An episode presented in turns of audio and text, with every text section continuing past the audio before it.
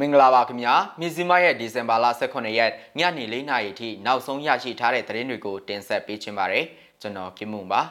ခမာယ960တပ်ရင်းမိုးထက်လင်းစော်တည်ဆုံးပြီလို့ KNU အတည်ပြုတဲ့သတင်းကရင်ပြည်နယ်တွင်တိုက်ပွဲတွေကြောင့်ထိုင်းနိုင်ငံဘက်ကိုလူရပေါင်းများစွာထွက်ပြေးခိုလုံလာတဲ့သတင်းတိုက်ပွဲအတွင်ဖမ်းမိထားတဲ့စစ်ကောင်စီတပ်သားရှစ်တို့ကိုကောင်းမွန်စွာထိန်းသိမ်းထားတယ်လို့ KNU ပြောတဲ့သတင်း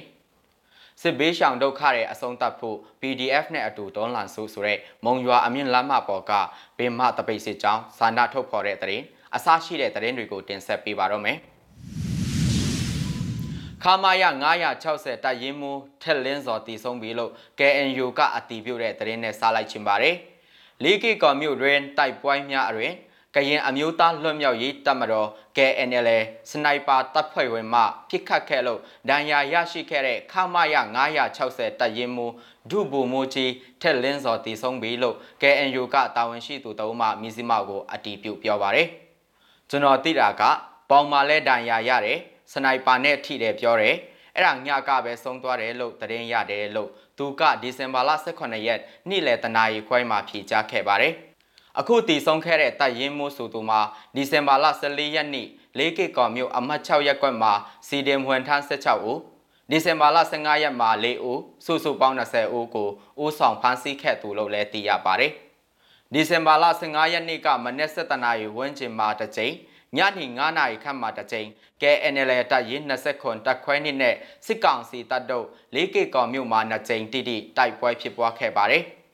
အဲ့တိုက်ပွဲနှစ်ကြိမ်အတွင်းစစ်ကောင်စီဘက်မှ၄ဦးတည်ဆုံးခဲ့တဲ့အပြင်အခုထပ်မံတည်ဆုံးခဲ့တဲ့တပ်ရင်းမှုအပါဝင်၄ဦးဒဏ်ရာရခဲ့ခြင်းဖြစ်ပါတယ်။ကြံဒဏ်ရာရရှိသူတို့ရဲ့အခြေအနေဖမ်းဆီးရမိထားတဲ့စစ်ကောင်စီတပ်သားတွေရဲ့အခြေအနေတွေကိုတော့သူတို့အနေနဲ့အသေးစိတ်မသိရှိရသေးကြောင်းခမာယ960တပ်ရင်းမှုဒုဘူမိုကြီးထက်လင်းစော်တည်ဆုံးတဲ့သတင်းသာအတည်ပြုလို့ရသေးကြောင်း KNU တာဝန်ရှိသူကဆိုပါတယ်။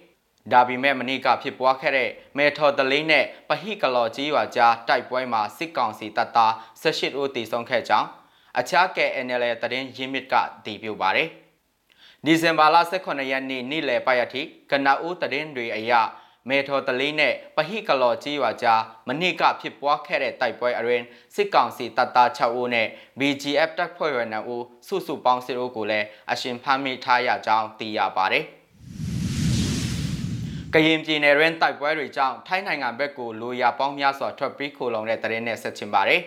။စစ်ကောင်စီတပ်နဲ့တိုင်းရင်းသားလက်နက်ကိုင်တပ်တွေကြားတိုက်ပွဲတွေကြောင့်ကလေးငယ်အများပြားပါဝင်လူရပေါင်းများစွာဟာထွက်ပြေးလာကြပြီးထိုင်းနယ်စပ်မှာဒုက္ခတဲ့အဖြစ်ခိုလုံနေကြကြောင်းထိုင်းအာဏာပိုင်တွေနဲ့အကူငင်ပေးရေးအလုတ်သမားတအုပ်ကပြောပါတယ်။ကရင်အမျိုးသားအစည်းအရုံး KNU နဲ့စစ်ကောင်စီတပ်များကြားတိုက်ပွဲများဖြစ်ပွားပြီးတဲ့နောက် မဲဆောက်မြို့ကိုပြည်သူ900နီးပါးလာရောက်ခိုလုံကြကြောင်းထိုင်းအနောက်ပိုင်း tax ပြည်နယ်မှအာဏာပိုင်တွေကထုတ်ပြန်ပါတယ်။နယ်စပ်ထိုင်းဘက်ချမ်းမှာကလေးငယ်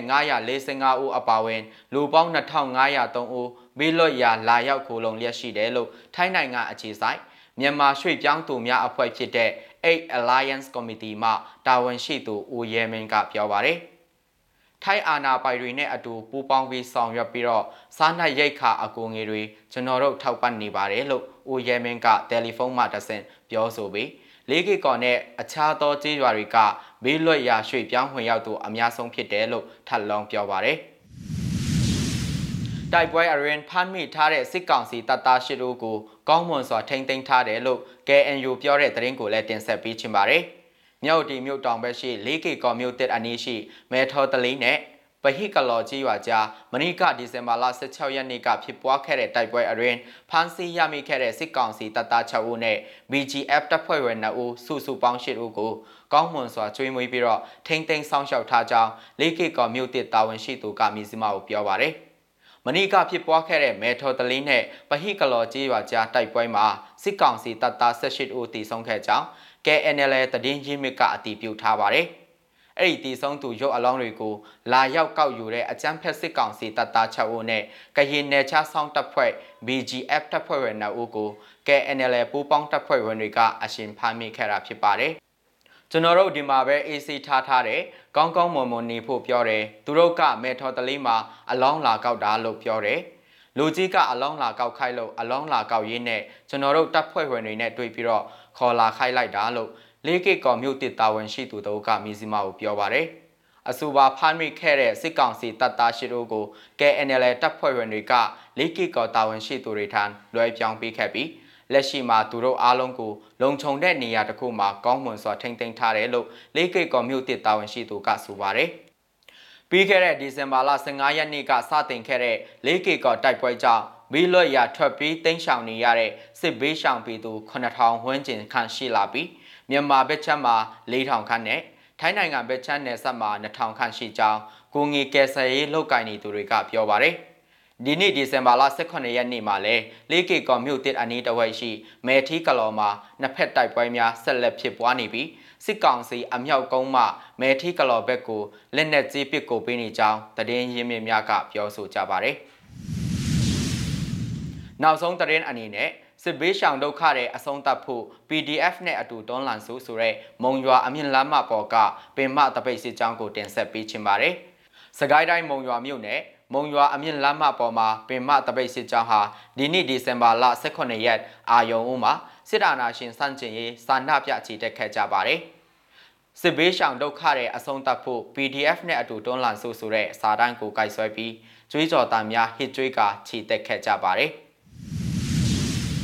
မြစီမာရဲ့ဒီဇင်ဘာလ18ရက်ညနေ၄နာရီထိနောက်ဆုံးရရှိထားတဲ့သတင်းတွေကိုတင်ဆက်ပေးခဲ့တာပါမြန်မာပြည်သူပြည်သားပေါင်းစိတ်ချမ်းသာခြင်းကိုယ်ရေးချမ်းသာခြင်းနဲ့ပြည့်စုံကြပါစေခင်ဗျာ။